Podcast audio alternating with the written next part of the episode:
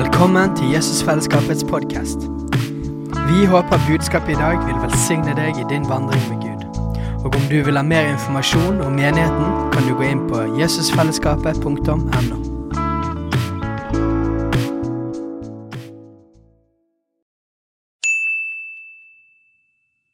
Hei! Visste du at Jesusfellesskapet starter en ny bibelskole til høsten? Den heter Jesusskolen og starter den 3. september. Gå inn på jesusskolen.no for mer informasjon. Det er alltid fint når du kommer på møte, og så har jeg en plan. Jeg har en plan. Jeg kommer til å, for, jeg kommer til å følge planen. Det er notater, og det er forkynnelse og greier. Og så kommer vi her, og så er vi Guds nærvær, og så opplever jeg at han vekker opp noe. Minner meg på noe som eh, han vil ha etablert først. og det er alltid, alltid, fint å ha gode planer, og alle sånne ting, men når, når Gud taler, så må man høre. Eh, og det er noe jeg har lyst til å Det kan godt være jeg griner, det får dere tåle. I menigheten vår så er vi gråtekjerringer, og så er vi gråtekarer. Vi har noen av oss òg. Eh, så dere får tåle litt gråt. Men jeg opplevde for eh, ja, Det må vel være tolv år siden så gikk jeg på en forkynnerskole. Og da eh, fikk vi opplæring i hvordan vi skulle forkynne. Og nå skal jeg begynne eh, denne forkynnelsen på den dårligste måten, ifølge denne personen som lærte oss å forkynne. Er du klar for det? Nå skal jeg bare steppe right into it. og så er Det det dummeste man kan gjøre når man skal forkynne, det er å fortelle at det er en kamp å skulle forkynne. Du skal aldri fortelle at du er nervøs. Du skal være oppe, og så skal du ha trygghet, og så skal du utstråle karismatisk eh, overskudd og eh, kompetanse. Sant? Men jeg har lyst til å begynne dette her med en ting. Dette er det tøffeste Gud kunne bedt meg om å gjøre. Det er det vanskeligste av alle ting. Og Jeg sier ikke dette for å få sympati fra dere, for det handler ikke om det. i det hele tatt. Men når Gud kalte meg og sa at Vegard, jeg vil at du skal eh, være i min menighet, jeg vil at du skal stå foran, jeg vil at du skal eh, snakke til mitt folk, og jeg vil at du skal være der framme og bli sett. Når han ba meg om det, det var det verste han kunne. Det var det verste han kunne. Det jeg aller helst ville gjort, mer enn noe annet, det var å sove å få lov å sitte nede i studioet mitt hjemme og lage musikk og drive med kunstneriske ting inni min egen boble. Og slippe å måtte være synlig. Og Grunnen til at jeg sier disse tingene, handler ikke om at dere skal bli kjent med meg engang, men jeg opplever at det er et ord der. Hvor jeg skal snakke om menigheten og leve i fellesskap. Og En av de viktigste forutsetningene for at vi kan leve i fellesskap, er at vi er sårbare. Og Hvis ikke jeg som står oppe, som skal snakke om å leve i fellesskap, først kan begynne med å si hei, dette her er sårbare greier, så har jeg ingenting å snakke om. Dette handler ikke om hva jeg foretrekker i min personlighet. Dette handler ikke om noe av det. Det handler om at Gud har kalt, og jeg bøyer meg under hans vilje. Og det er ingen steder, folkens. Det er bedre å være enn å være foran Gud med et bøyd hjerte og si at det du sier, det vil jeg følge etter. Det vil jeg gå for. det vil Jeg Jeg bøyer min vilje etter din vilje. For jeg vet at du er en god far, du er en god herre, du er en god leder. Og det er ingenting jeg heller vil med mitt eget liv enn å leve i lydighet. Er dere med? Så kom jeg her i dag, og så fikk jeg høre at Elisabeth hadde hatt en drøm. Og så, når, hun, når jeg ble fortalt at hun hadde hatt en drøm, så traff det dette i meg at å, vi må begynne her. Jeg må begynne med å snakke om sårbarhet. Jeg må begynne å snakke om at vi må ha bøyde hjerter foran Gud. Det er han som er herre, det er han som er leder, det er han som er far. Og jeg vet at mine barn Jeg skal introdusere meg for dere som ikke kjenner meg etterpå. Men mine barn de trenger at jeg er en far som er tydelig. Kjærlig, god, men tydelig. Når jeg lager rammen rundt mine barn, så er de trygge. Og Det er ingen steder som er bedre å være folkens, enn å få lov å stå i hans plan og følge hans vilje og bøye hjertene våre under hans vilje. Og Jeg vil Elisabeth, bare om du kunne delt den drømmen du hadde. Ja. Eh, natt til fredag så våkna jeg og hadde drømt en del ting. Eh, og kjente på at det her var ikke bare for meg, men det her var for flere. Og um, i drømmen så kom jeg til et kirkebygg, og jeg går inn i bygget. Og eh, det er et skikkelig flott program. Det er barnekirke, det er ungdomsarbeid, det er møte for de voksne. Um, og så ser jeg meg rundt, og så ser jeg masse folk som går i pysjamas.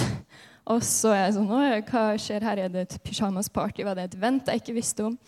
Um, men så kjenner jeg plutselig at Oi, det her er jo altfor sårbart. Vi kan ikke komme i det her, liksom. Vi må gå i, må gå i vanlige klær når vi kommer eh, til møtet. Så går jeg videre, så går jeg forbi noen som eh, driver med New Age og yoga. Og så går jeg videre, og så kommer jeg forbi noen som eh, eh har kommet inn i noe umoralsk. Og så våkner jeg opp, og så er jeg sånn OK, Gud, hva, hva betyr det her for noe? Hva er det her for noe? Og det første jeg hører han sier, er Vil du fortsette i kjøttet, det som jeg har starta i ånden? Og så kjente jeg på at det er så mange her som er sårbare, og som føler at de må framstå med et perfekt bilde. Og jeg bare kjenner Helligånd sitt hjerte. At han ikke vil at vi skal det. Han vil ikke at vi skal komme med et perfekt bilde. Og at han sier at hvis vi legger skjul på vår sårbarhet, det er faktisk ganske alvorlig. fordi da kan fienden bruke det. Da kan han gjøre noe med det. Men vi er ment til å komme som vi er, framfor Gud. Og framfor de som vi er eh, kalt til å dele det her med. Vi er ikke ment til å stå alene i denne sårbarheten. Så jeg har bare kjent på at det var flere her som kanskje føler at det er noe som ligger der, men jeg har ingen plass å dele det. Eller kan jeg virkelig dele det? Men Gud sier ja. Du trenger det. Og mer enn det. Du trenger det, men også som forsamling, som én kropp. Fordi der det er sårbarhet, så kan fienden snike seg inn til hele kroppen. Det er ikke snakk om bare ditt liv, men det er snakk om hele forsamlingen sitt liv. Om din familie, om ditt liv og om hele kirka sitt liv. Så kanskje Gud snakker til deg gjennom det her og pirker bort i ting. Og jeg har bare kjent på at det her var for flere enn bare meg.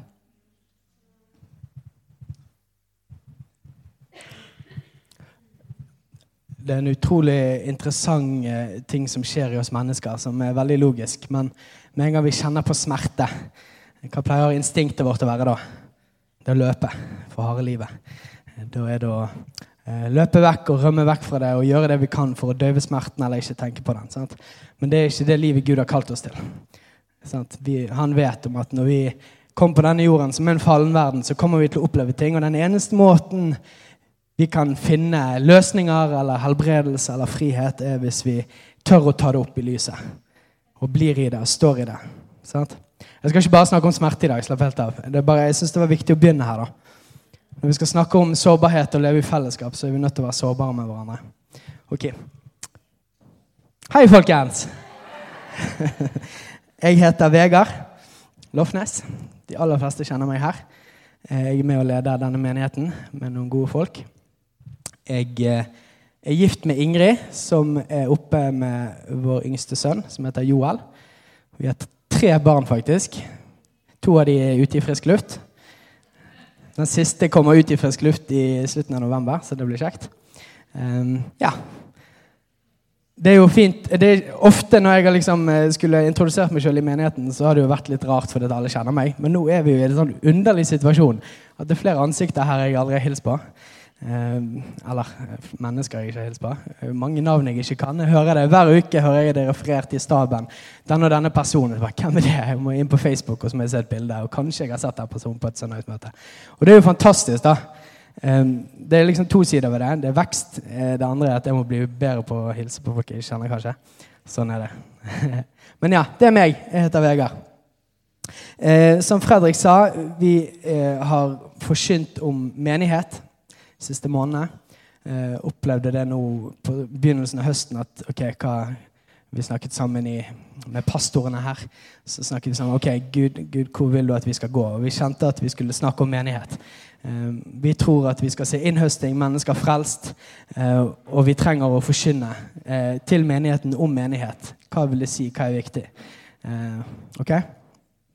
Så i dag så er det min tur. Og jeg skal snakke om å leve i fellesskap. som jeg allerede har sagt. Så hvis dere blir med meg til Apostels gjerninger kapittel 1 og 2, så starter vi der.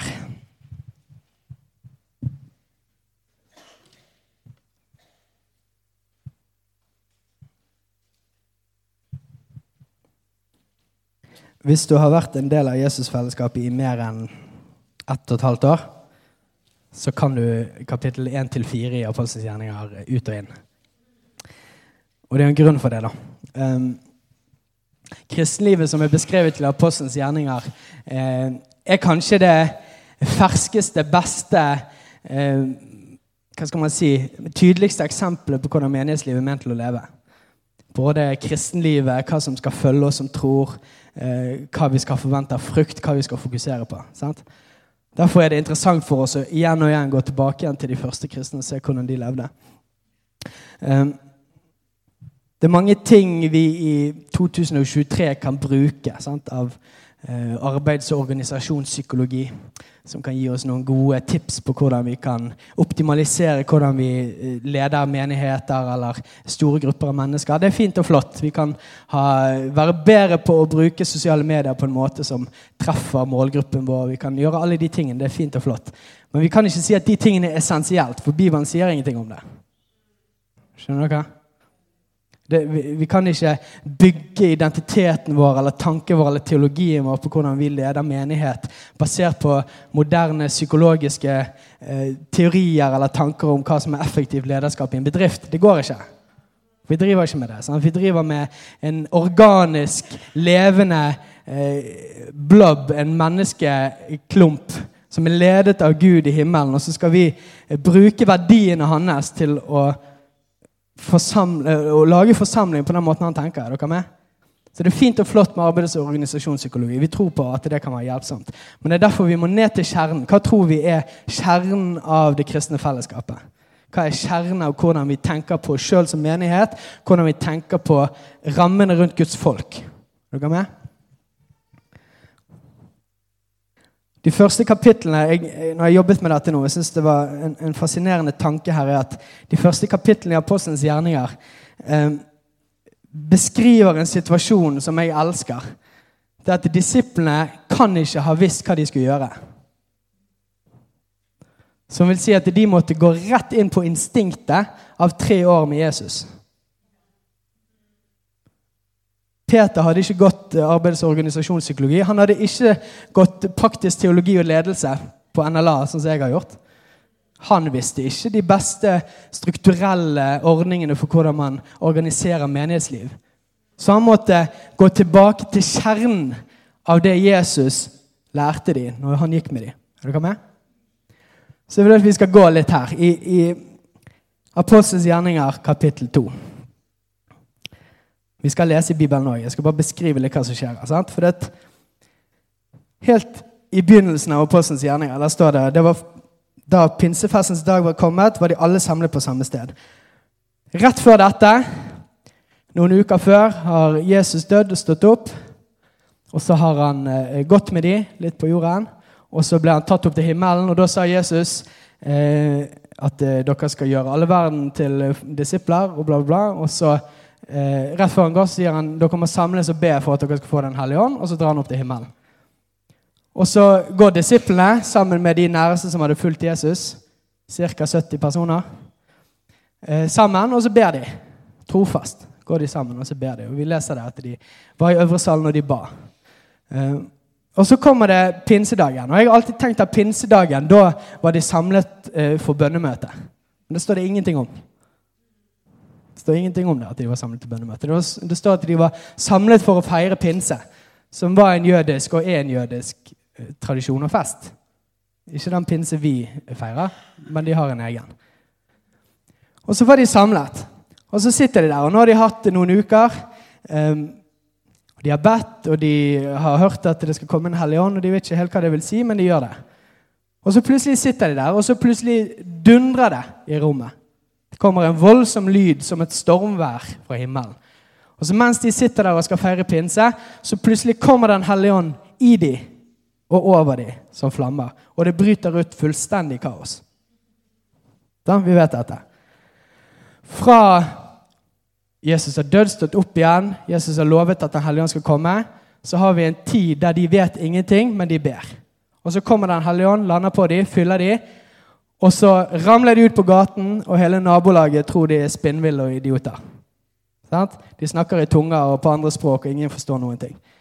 Og for første gang i historien så stepper Peter ut og forkynner evangeliet med Den hellige ånd inni seg. Det er ganske radikale ting. Vi har lest om Peter, en feig fyr. Hvis vi skal være helt ærlige. Redd, menneskefrykt, alle de tingene. Men da det øyeblikket kommer når Hellige ånd har kommet inn i han, så står han fram, forkynner evangeliet, og mennesker blir frelst vet du, i hopetall. Det står at 3000 mennesker blir frelst, døpt og lagt til menigheten. Ok, Vi har hatt noen uker der 70 stykker har samlet seg for å be. Plutselig har de fått 3000 medlemmer i menigheten sin. På én dag. Tror dere at de hadde masse planer om hvordan vi skulle gjøre det når 3000 stykker plutselig kom inn i menigheten? Nei. Så de kommer ned til det basale, det helt grunnleggende. Og det er det vi leser om i slutten av kapittel 2. Jeg vil at vi skal lese det. Vers 42 i kapittel 2. Sant? Nå har jeg forklart dere. Det vil si, sant? Dette har skjedd, alt har brutt løs, mange nye folk. De må organisere seg på en måte som de, eh, de har tro for. Sant? Så de gjør dette. De holdt urokkelig fast ved apostlenes lære, ved samfunnet, ved brødsbrytelsen og ved bønnene. Disse fire tingene. De holdt, seg, de holdt ikke urokkelig fast på 40 eh, minutter lovsang, informasjon, kollekt, eh, møtekampanjer hver tredje uke. Bla bla. Det var ikke det de holdt urokkelig fast på. De holdt fast på læren, på fellesskapet, på brødbrytelsen og bønn. Jeg vil gå gjennom de litt, for dette det er noen viktige ting vi finner i det. Ok? Ok, Apostelens lære, hva er det for noe? Sånn, vi leser i Romane 10, 17 at troen kommer av forkynnelsen, av Kristi ord. Apostlene de har vandret med Jesus gjennom tre år. De har fått undervisning fra Jesus om hva Gud tenker, hvordan vi skal tenke. Jesus har tolket Det gamle testamentet for dem. Så apostlene forvalter undervisningen og forkynnelsen og rammene som Jesus har gitt. Sant? Teologien. Ok, vi, vi forstår det. Forkynnelse er viktig. Forkynnelse. Det er helt essensielt. Vi må ha det. Forkynnelsen av Guds ord, kjempeviktig. Ved samfunnet. Dette ordet på gresk heter koinonia. Har dere hørt om det før? De som er litt eldre, har kanskje hørt om et funkband som heter Koinonia. Som faktisk er veldig bra. det vokste jeg opp med. Um, det er en teolog som heter N.T. Wright, som har sagt noe eh, fint, syns jeg. Og han sier at, Når han tolker dette ordet koinonia Han sier at det er mer enn vennskap, men det er ikke mindre enn vennskap. Skjønner dere den? Det handler om den mellommenneskelige dimensjonen av vårt gudsliv.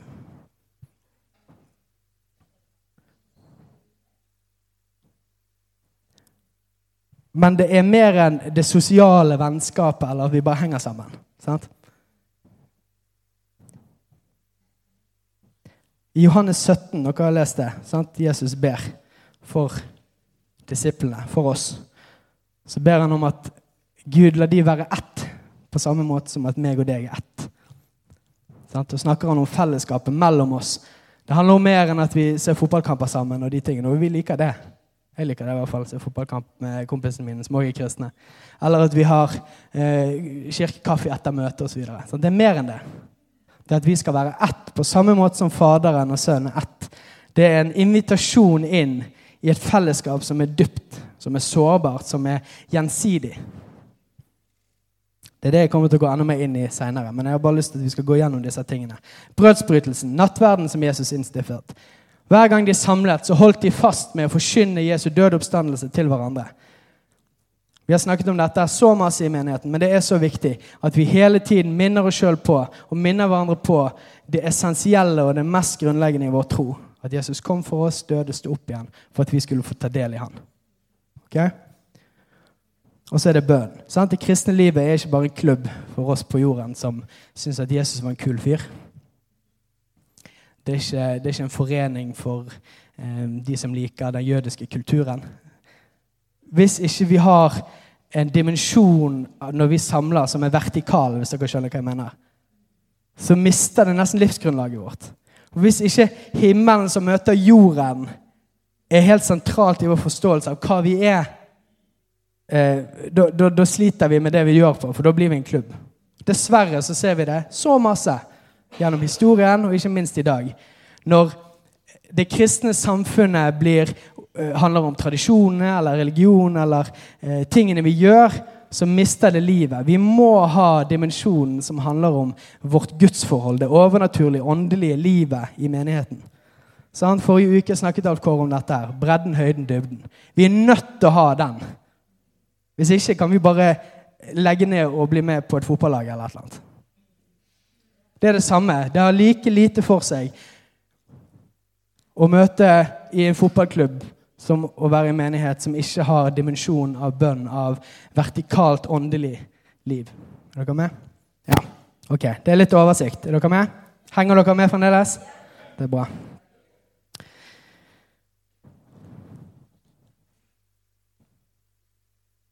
Ok. Jeg vil at vi skal gå ordentlig inn i fellesskap, for det er det som er min jobb i dag. Um, det er masse man kan si om fellesskap. Jeg kommer ikke til å si alt det er å si om fellesskap, men det er to ting spesielt som jeg kjenner at jeg skal fokusere på. Det er ydmykhet og sårbarhet og menighet som familie. Ok? Og vi skal gå inn i ydmykhet og sårbarhet først, for vi trenger det så grådig. Og Jesus, gjennom livet med disiplene, når han vandret med dem, pusher på den tingen konstant. Jeg regner med dere har lest om det i evangeliet. sant? De går gjennom og så kommer de inn i situasjoner. F.eks. noen blir eh, kastet en demon ut fra, eller at de ikke får til å kaste ut noen demoner. Eller at eh, noen blir eh, helbredet fra syke, eller at Jesus irettesetter fariseerne og de religiøse i tiden. Sant? Så bruker Jesus situasjonen som et springbrett til å snakke med disiplene om det det betyr. Det dypere liggende verdien av det som skjer. Er dere med? Og det er noen sånne situasjoner som er veldig viktige i vår selvforståelse. Som menighet, spør du meg, da.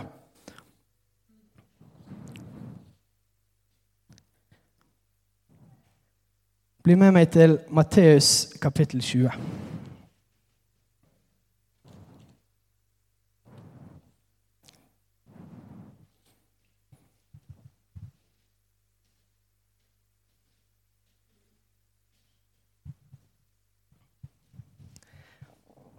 en sånn halvkomisk situasjon eh, som Jesus tar veldig seriøst. Han begynner jo ikke å le av det.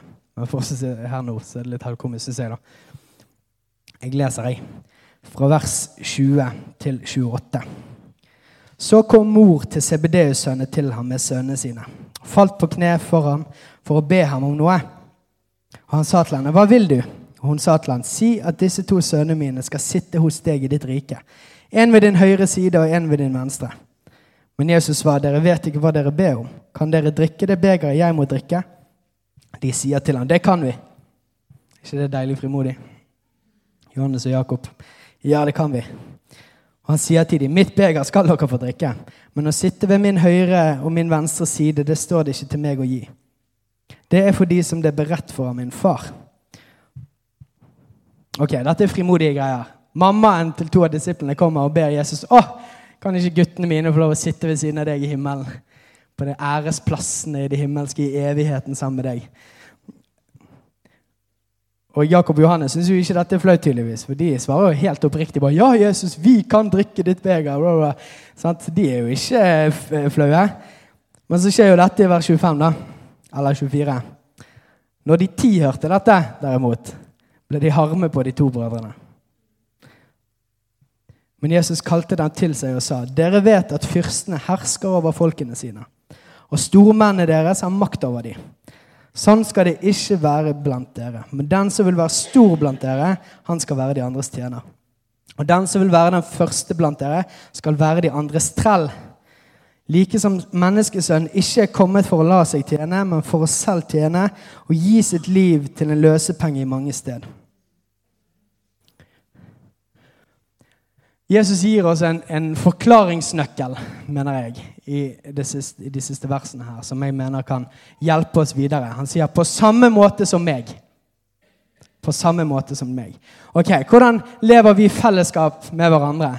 Vi kan alltid peke tilbake på samme måte som Jesus. Han kaller oss i våre personlige liv til å leve i fellesskap med resten av menigheten, med hans folk. Ikke bare Jesusfellesskapet, men utvidet òg. På samme måte som Jesus lever. På måte, samme måte som Jesus gjorde når han kom til jorden. Sånn? Vi leser om det i Efeseren når eh, Paulus snakker om hvordan ektemenn og hustruer skal være med hverandre. sier han at dere ektemenn skal elske deres koner slik som Kristus elsket menigheten og ga seg selv for den. Dette prinsippet, samme måte som meg, på samme måte som meg, det kan følge oss når vi ikke er sikre. Ok, jeg vet ikke hva jeg skal gjøre her. Hva gjør Jesus? Eller på andre måten eh, Jeg gjør tydeligvis noe som gjør at alle rundt meg reagerer. Kan det være at jeg ikke gjør dette på samme måte som Jesus?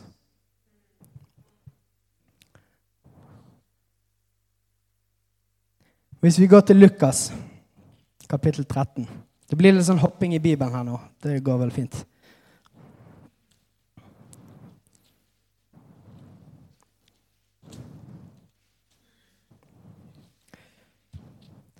Kapittel 13, vers 4.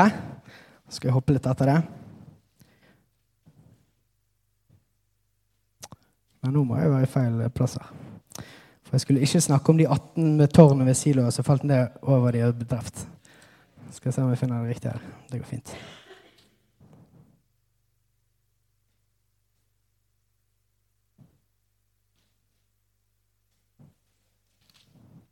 Det går fint. Vi kan eh, lese det senere. Eller en annen gang. Det handler om når Jesus vasker føttene til disiplene. Johannes 13 er det så klart. Fredrik, suffløren til oss alle. Johannes 13, 4. Ja. Jesus feirer påske med disiplene. Så står det i vers 4 Jesus reiser seg fra måltidet, legger av seg klærne og tar et linklede og binder det om seg. Deretter slår han vann i et fat og begynner å vaske disiplenes føtter og tørke dem med linkledet som han hadde bundet om seg. Får vi en hel situasjon der eh, Peter nekter han, og så eh, sier du skal aldri jeg vet, vaske mine føtter. Og så sier Jesus jo, det må jeg hvis du skal ha del i meg. Og vask hele meg, sier Peter da. Eh, I vers 12 der så kommer. Da han hadde vasket føttene deres og tatt på seg klærne, satte han seg til bords igjen. Så sa han til dem, forstår dere hva jeg har gjort med dere? Dere kaller meg mester og herre, og med rette sier dere det, for jeg er det. Når da jeg som er herre og mester, har vasket deres føtter, så skylder også dere å vaske hverandres føtter. For jeg har gitt dere et forbilde for at også dere skal gjøre slik som jeg har gjort mot dere. Sannelig, sannelig, sier jeg dere, en tjener er ikke større enn sin herre. Heller ikke er en utsending større enn den som har sendt han. Jesus kaller oss til å bøye oss ned for hverandre. Vi lever i 2023 i et samfunn som eh, forteller oss at hvis vi skal opp og fram og bli selvrealisert, så er vi nødt til å knive om plassen. Vi må bruke albuer, og vi må gjøre alt vi kan for at min, mitt potensial kan bli oppfylt. Er dere med? Gud har ikke kalt oss til det livet. Gud har kalt oss til et liv der vi sier at OK, Jesus, jeg vil følge deg. Og jeg vil bøye meg ned. For det er den eneste veien du har vist oss å leve. For at vi kan nå potensialet vi har i Han. Hva er målet vårt med kristenlivet? Jo, det blir mer og mer lik Jesus. Jesus brukte ikke albuene sine for å komme, komme fram eller få plassen han skulle få. Jesus gikk imot kulturen som sa at jeg må opphøye meg sjøl for å bli synlig. Jesus bøyde seg ned for å tjene, og det var oppdraget hans. Og vi er kalt til å gjøre det samme, folkens. Som jeg begynte med, jeg hadde ikke lyst til å stå på denne scenen. Gud må tvinge meg opp. Hvis du kjenner et kall fra Gud til å stå på scenen, ikke plasser deg strategisk for å bli sett på den måten du tror at vil føre deg til scenen. Hvis du lengter etter at du skal få en forfremmelse på jobben, ikke bruk albuene dine for å følge den samme kulturen. Kanskje du får en plass, men du står ikke på den plassen med Guds velsignelse over livet ditt. For Gud har kalt oss til å bøye oss ned.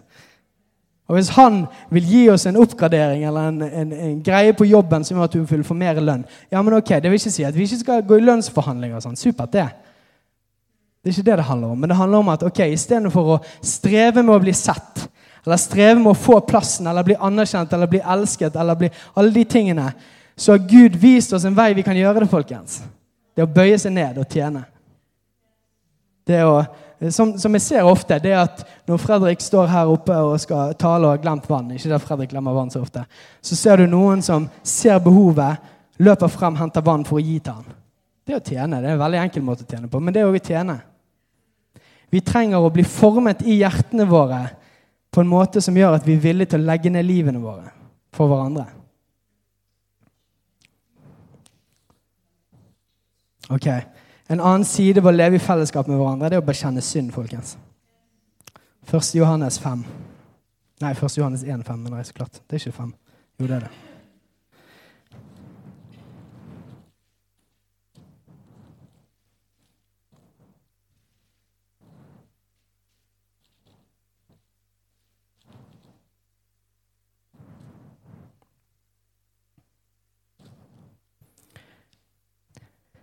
1. Johannes 1, 5-10.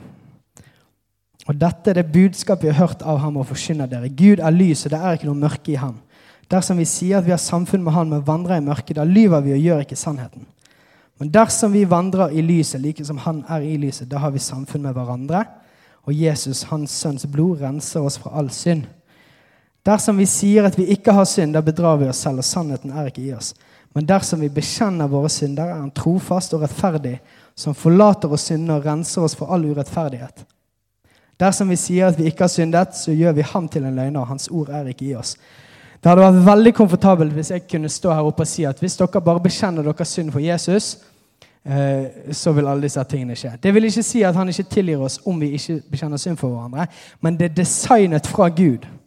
Guds ord sier det, ikke bare her, andre steder òg, at vi skal bekjenne synd for hverandre. I Jakob der står det at dersom dere bekjenner deres synder Nei, bekjenn derfor deres synder for hverandre og ber for hverandre, så dere kan bli helbredet. Bekjennelse av synd handler om noe vi gjør i fellesskap med hverandre. folkens. Det har vært helt essensielt for mitt eget liv i oppveksten at jeg levde i en kultur i Kristkirken med Håvard Berger, der han prentet inn oss fra vi var 14 år at hvis du vil leve et liv i rettferdighet, integritet og karakter, så trenger du å slippe mennesker inn på livet ditt, og du må leve åpent med synden din. Det er så viktig, folkens. Og jeg vet at når jeg sier dette nå, så skaker det bort de ubehagelige ting i oss. For de aller fleste av oss lever ikke med åpenhet på livene våre. I perioder så har ikke jeg levd det på den måten som jeg har ønsket, og som jeg opplever at Gud har kalt meg til å gjøre. Så jeg har måttet ydmykt gå inn og si ok, jeg må finne meg noen som jeg kan stå sammen med. Bekjennelse av synd folkens, er så essensielt for livene våre. Hvis du ikke har noen du snakker om livet ditt åpent med Og det er så lett at alle tenker når vi snakker om bekjennelse av synd, da handler det om hvis man sliter med porno eller seksuell synd. Nei, nei, nei. Baktalelse, løgn leve rettferdighet med pengene våre. Alle disse tingene. Det å leve et liv i integritet og karakter handler ikke bare om seksuell renhet, selv om det er essensielt og viktig. Hvis du lever et liv der du er den eneste som vet hva som foregår inni deg, da trenger du å få snakke med noen. Da trenger du å få mer lys inn i livet ditt. For vi er ikke ment til å bære prosessene våre, livene våre, alene, folkens. Og Det er det som er hele poenget her. Hvis vi skal leve i lyset, så handler det om at noen må se oss, folkens. Noen må kjenne oss. Vi må la oss sjøl bli kjent, folkens. Det er nydelig med ektepar der man kan gjøre det, ekteskap der man kan gjøre det. Hvis du ikke er gift, så er det likevel kjempetilgjengelig. Finn deg noen å snakke med. De aller fleste som er gift, bør finne seg noen andre å snakke med òg.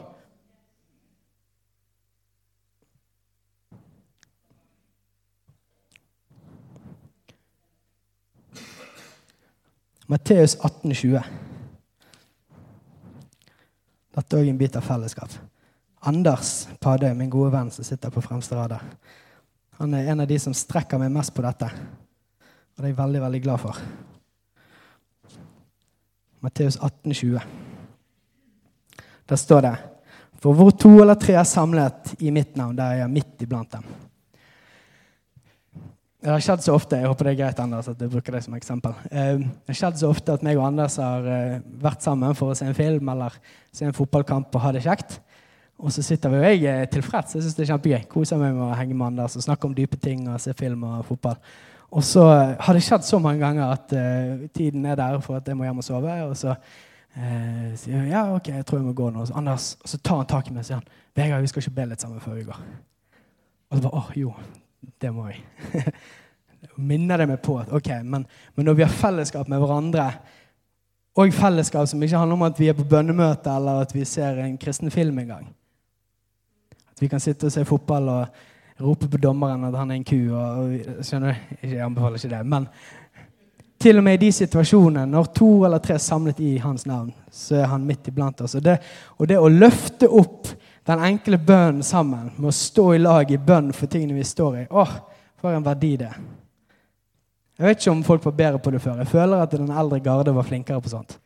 Ha en andakt og ha en bønn. Men, men det der å be i lag, folkens, det å stå sammen i tingene vi er i, det trenger ikke bety at du har eh, kollektiv indre helbredelse i tre timer, og så er det den eneste løsningen for det. Gud har ikke et liv for oss at vi må være på møte for at ting skal være i, i fase. Skjønner dere? Ja. Ok. Nå må jeg bare speede litt gjennom dette. her. Det går fint. Vi er fortsatt i Matteus 18, og så leser vi vers 21 og 22. Jeg vil snakke litt om tilgivelse. For Peter, Da gikk Peter til han, til Jesus, og sa, 'Herre, hvor mange ganger skal min bror kunne synde mot meg, og jeg tilgi han?' Inntil sju ganger. Og Jesus sa til han, 'Ikke sju ganger, sier jeg dere, men 70 ganger sju.' Um, jeg kan ikke gå langt inn i, i tilgivelse nå, vi har en podkast som heter Hyrdepodden. Episode syv i Hyrdepodden handler om tilgivelse. Der går vi i en og en halv time dypt dypt ned i materien på tilgivelse. Jeg anbefaler dere å høre på det hvis dere trenger. Men å leve i fellesskap vil si å leve en tilgivende livsstil. Vi snakker ofte om tilbedende livsstil, men en tilgivende livsstil. Folkene rundt oss kommer alltid til å ha potensial til å såre oss. Alltid til å si noe feil, alltid til å gjøre noe feil. Men vi må leve et liv der vi skjønner at når Jesus har tilgitt oss, så skylder vi òg å tilgi hverandre. Det vil ikke si, og dette, som sagt, hør på Hyrdepodden episode 7. Dette vil ikke si at vi skal bare ta alt, og så skal vi bare tilgi, og, tillit skal alltid være eh, fint mellom mennesker. Det er ikke det jeg sier. Men, men Jesus kaller oss til å tilgi. Han forteller lignelsen om den onde tjeneren som hadde blitt ettergitt all sin gjeld. Han kunne ikke betale eh, kongen. Og så fikk tjeneren ettergitt alt sin gjeld. Og så på vei hjem så treffer han en som skylder han litt mindre. For å si det sånn. Og så tar han tak i han og sier han, du må gi meg det du skylder meg. Så var mini, altså Det var så mye mindre enn det han hadde skyldt kongen. Og så sier han du må betale meg tilbake, og kaster han i fengsel. Det som skjer er at Kongen får høre om det og ta tjeneren som han egentlig hadde ettergitt alt, så sa han, 'Hva var det du gjorde?' 'Jeg som hadde tilgitt deg alt dette, og du kunne ikke ettergi han som skyldte deg.' Så kaster han inn i fengsel. Lignelsen handler om, det er en advarsel til oss. Om ikke vi tilgir de rundt oss, folkens, så sliter vi med å stå på linje med hans tilgivelse i våre egne liv. folkens. Det er så alvorlig at hvis vi lever i utilgivelighet og bitterhet, så må vi omvende oss, så vi kan få hjelp til det. Ok? Vi er nødt til å tilgi. Ok, så den andre siden. Vi er fremdeles i Matteus. Slå opp i kapittel 5. Vers 23 og 24. Dette er den andre siden av tilgivelse. Vi må be om tilgivelse. Dette har skjedd så mange ganger med. Jeg skal lese verset først. Vers 23 og 24. Om du da bærer fram ditt offer til alteret, og der kommer til å tenke på at din bror har grunn til å klage på deg, så la ditt offer ligge der foran alteret. Gå først bort og forlik deg med din bror. Kom så og bær fram ditt offer. Jeg vet ikke om noen av dere har opplevd dette. Jeg har opplevd det for mange ganger til at jeg kan telle det på hendene mine. At jeg har stått i lovsangen her. Så, stått sånn. så har jeg løftet hendene og sagt 'Jesus, jeg elsker deg'. Og så sier Den hellige ånd 'Det er fint, det'. Men Vegard, husker du at du sa dette her? om denne vennen din. Det er ikke greit. Og så har jeg stått ja, men ok, jeg kan ta dette på Gud. Og så løfter jeg hendene mine og sier, Gud, jeg tilber deg. Og så bare, Vegard. Og så minner han meg på dette verset. La offeret ditt ligge. Det er ikke viktig for meg nå. Det som er viktig for meg nå, er at du går og så omvender deg, og så ber du om tilgivelse til din bror. Og det har skjedd så mange ganger. Og det er så ydmykende, og det er så fint. At jeg tenkte dette om deg Jeg skulle ikke ha gjort det. Kan du tilgi meg? Og så blir man som oftest tilgitt. Og så ber man sammen, og så går jeg tilbake igjen i lovsangen så sier jeg, 'Jesus, jeg tilber deg.' Så bare Yes, der var vi. For Det handler om at, at vi er nødt til å ha hjerter som er rene. Og Hvis Den hellige ånd kan peke i oss til å be om tilgivelse, så har det en sånn verdi i hans bok. Lydighet er bedre enn offer. Har dere hørt det før? Ja.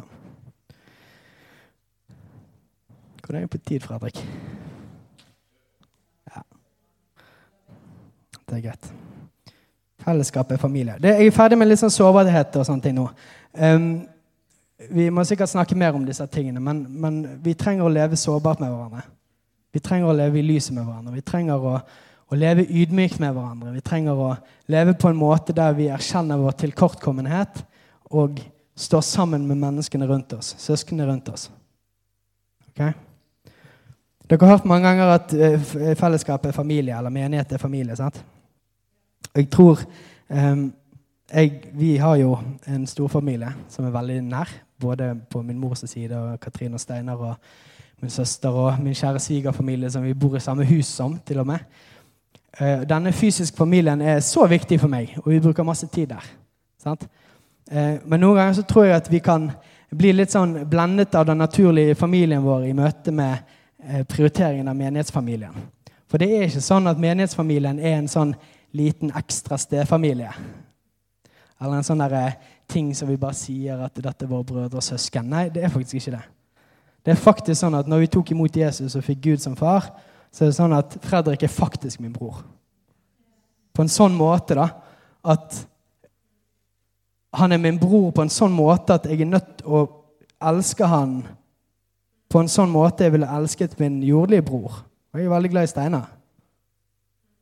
Så hvis Fredrik For å si det på en annen måte, Hvis min søster ringer meg, min fysiske søster ringer meg og sier 'Vegard, jeg har punktert bilen min, og jeg står langs veien, og det er ingen som kan hjelpe meg' Det skal veldig mye til for at jeg ikke slipper det jeg har i hendene for å kjøre til min søster for å hjelpe henne med bilen. For hun er søsteren min. Hadde jeg gjort det til personen jeg nettopp traff på butikken? Nei, det hadde jeg nok ikke. Jeg vet ikke hvordan de skulle fått nummeret mitt heller, men dere skjønner hva jeg mener. På samme måte så er Fredrik min bror. Og hvis Fredrik står langs veien og har punktert bilen, og det er ingen som kan hjelpe han, han ringer meg 'Vegard, kan du hjelpe meg?' Jeg har punktert bilen. Så ikke det Det er ikke lett for meg da å skulle si at nei, der må jeg nok lage en grense. Fordi at du er jo tross alt ikke min familie på den måten. Så jeg kan ikke slippe deg hard i hendene for å gå og hjelpe deg. Det vil ikke si at vi skal lystre hver eneste ting som kommer, og hver melding du får, men det handler om en hjerteinnstilling. Sånn at de andre i menigheten som jeg vandrer med, og som er mine søsken i troen, når de trenger min hjelp eller min assistanse eller min nærhet eller relasjon til meg, så er jeg nødt til å ta det ganske seriøst. da. For å si det på en annen måte. Det at f.eks. meg og min kone eh, startet en disippelgruppe i år, var jo logisk sett ikke spesielt lurt. Hun er høygravid, det er intenst med jobben, vi har små barn. Det er ingenting som passer med det. Men jeg opplevde, og Ingrid opplevde, fra Gud at han pekte på dette.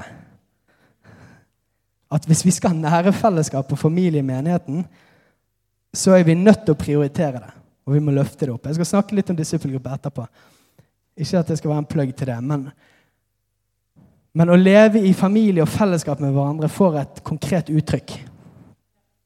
Vi trenger det. Vi trenger å stille om hjertene våre til å tenke at ja, men det er ikke bare eh, besteforeldre eller egne foreldre. Det er ikke bare de som skal ha krav på det nære familiesiden ved hjertet ditt, og menigheten.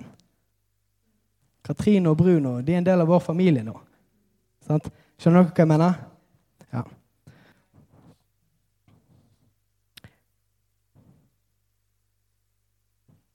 Eh, det er jo et premiss som er ganske viktig at vi legger her. Da, at Guds familie er i utgangspunktet en fungerende familie. Vi har en far som fungerer godt, og som leder familien sin godt. Det vil ikke si at det er ikke mange som blir såret i menighet. Sant? Hørte en forkynner som snakket om det. Hvorfor har vi problemer med menighet og dårlig lederskap? Jo, det er av samme grunn for at du er her. Sant? Problemet med menighet er oss. Problemet med menighet er meg, Det er Fredrik, det er Lilly Wenche. Alle oss er problemet, med menighet fordi vi er ufullkomne og vi fungerer ikke godt. Det vil ikke si at med en gang vi er såret i menighet, så har vi fått et frikort fra Gud til å ikke være en del av hans familie lenger. Hvis vi har blitt såret i menighet, så fins det hjelp å få. Kom til oss. Be om en prat med noen av de som driver med indre helbredelse. Få hjelp til å få gjenoppbygget tillit. Men vi trenger å, å leve i fellesskap med hverandre, og det fins ikke et alternativ. For Gud har ikke kalt oss til å leve alene. I Johannes 15 så snakker Jesus om vintreet. Og det snakker om at, at Faderen er vingårdsmann, og han klipper greinene for at vintreet skal bære frukt. Når vi leser i Galaterne, så ser vi jo hvilken frukt han snakker om. sant? Hvis vi lever på en måte der vi faktisk bærer Den hellige ånds frukt i livene våre, så vil nok menigheten vår fungere bedre. Skjønner dere hva jeg mener? Det fins masse potensial der. Takk Gud for det.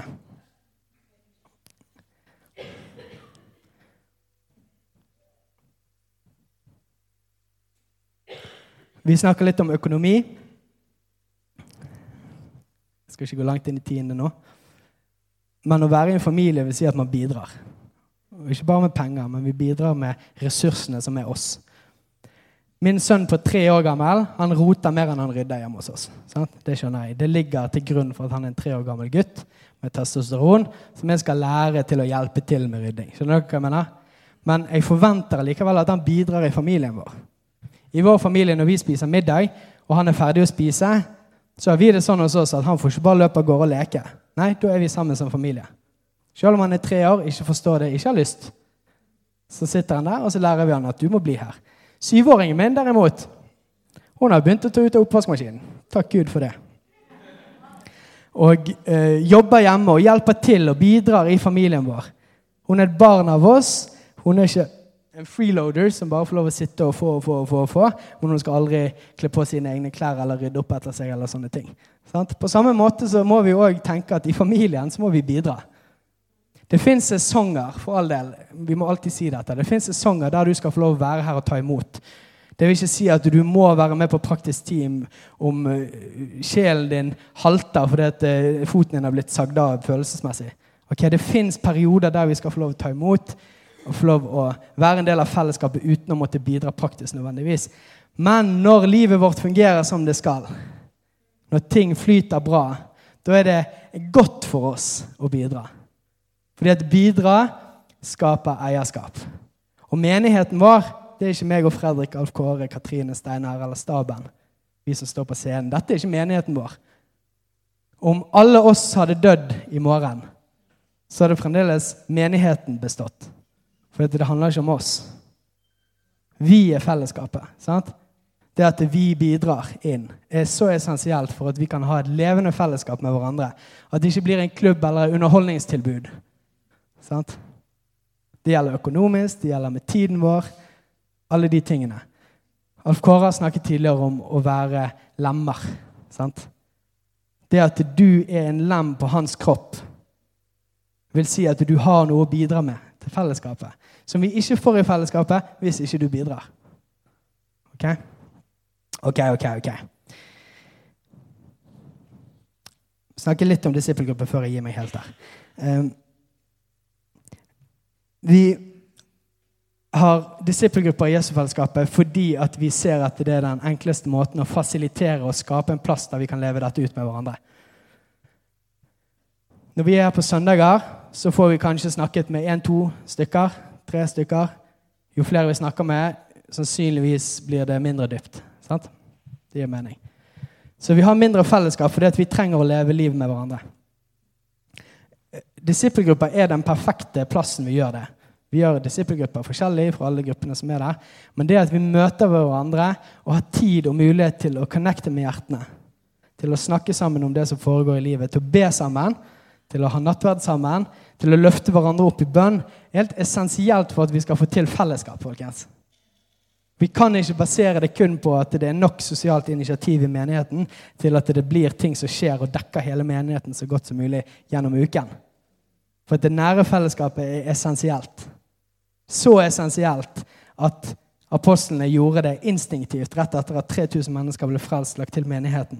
Så var fellesskap en av de fire tingene som de fokuserte på. Derfor har vi disippelgrupper. Er det den perfekte eneste løsningen for nære fellesskap? Absolutt ikke. Men det er i hvert fall et forsøk som vi tror vil være veldig effektivt. For å sørge for at flest mulig i menigheten vår har muligheten til å koble dypere med andre kristne i menigheten. Og hvis Gud har kalt deg til å være en del av denne banden, som heter Jesusfellesskapet, den litt rotete gjengen av bråkete folk og Jeg elsket i lovsangen i dag at jeg måtte tre bak for å ikke bli slått ned av flagg. Så det er jo ingenting som er bedre. Og av en eller annen grunn så har Gud kalt deg til å være her. Og, og det er fantastisk. Og det er nydelig. Men vi vil òg at dere skal få være med i et dypere nære og fellesskap enn bare søndagsmøter. Mer enn å bare se hverandre i bakhodet hver søndag og snakke litt overfladisk med noen.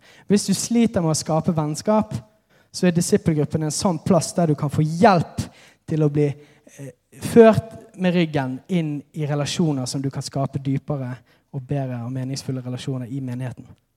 Det er ikke sånn at disippelgruppelederen da skal legge ned alle planene sine for å hjelpe deg å få venner. Det er ikke det det handler om. Men det handler om at hvis vi ikke velger oss inn i våre personlige liv, nære relasjoner, så kommer vi heller ikke til å bli utfordret og utvikle oss og bli mer modne og tryggere til å gjøre det. Er dere med?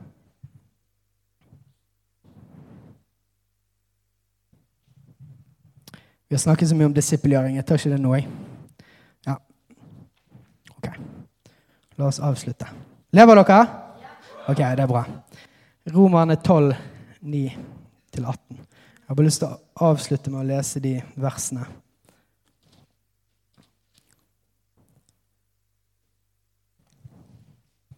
Jeg syns at Paulus oppsummerer egentlig noen av de sentrale tingene utrolig godt i denne avslutningen. Ja, det er jo ikke avslutning helt, men i denne oppsummeringen. Ok, Vers 9. La kjærligheten være uten hykleri. Avsky det onde, hold fast ved det gode. Vær varmhjertet mot hverandre i broderkjærlighet. Kappes om å hedre hverandre. Vær ikke lunkne i iveren, vær brennende i ånden, tjen Herren. Vær glad i håpet, tålmodig i trengselen, vedholdende i bønnen. Kom de hellige til hjelp i deres nød, legg vind på gjestfrihet. Velsign de som forfølger dere, velsign og forbann ikke. Gled dere med de glade og gråt med de gråtende. Et sin, ha ett sinn innbyrdes. Trakt ikke etter det høye, men hold dere gjerne til det lave. Vær ikke selvkloke.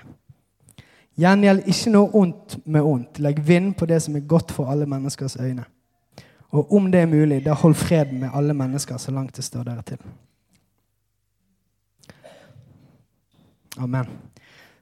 Um, skal vi reise oss? Kan vi gjøre det? Og så hold rundt noen som du står ved siden av.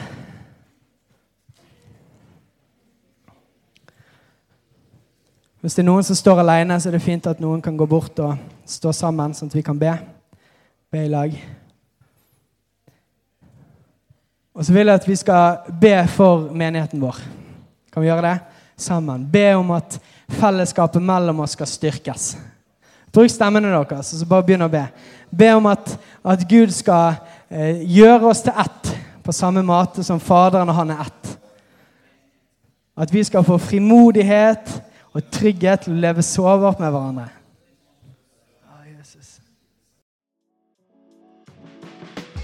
Hei, alle sammen. Det er Katrine og Steinar Lofnes her. Vi er hovedledere for Jesusfellesskapet. Så kjekt du har lyttet til denne podkasten. Har du forresten hørt noen av de andre podkastene våre? Ukens tale, Disippelskolen, Hyrdepodden, Kulturkrigen og Mammas hjerte. Du finner disse podkastene på Spotify, Apple Podkaster og på nettsiden vår jesusfellesskapet.no.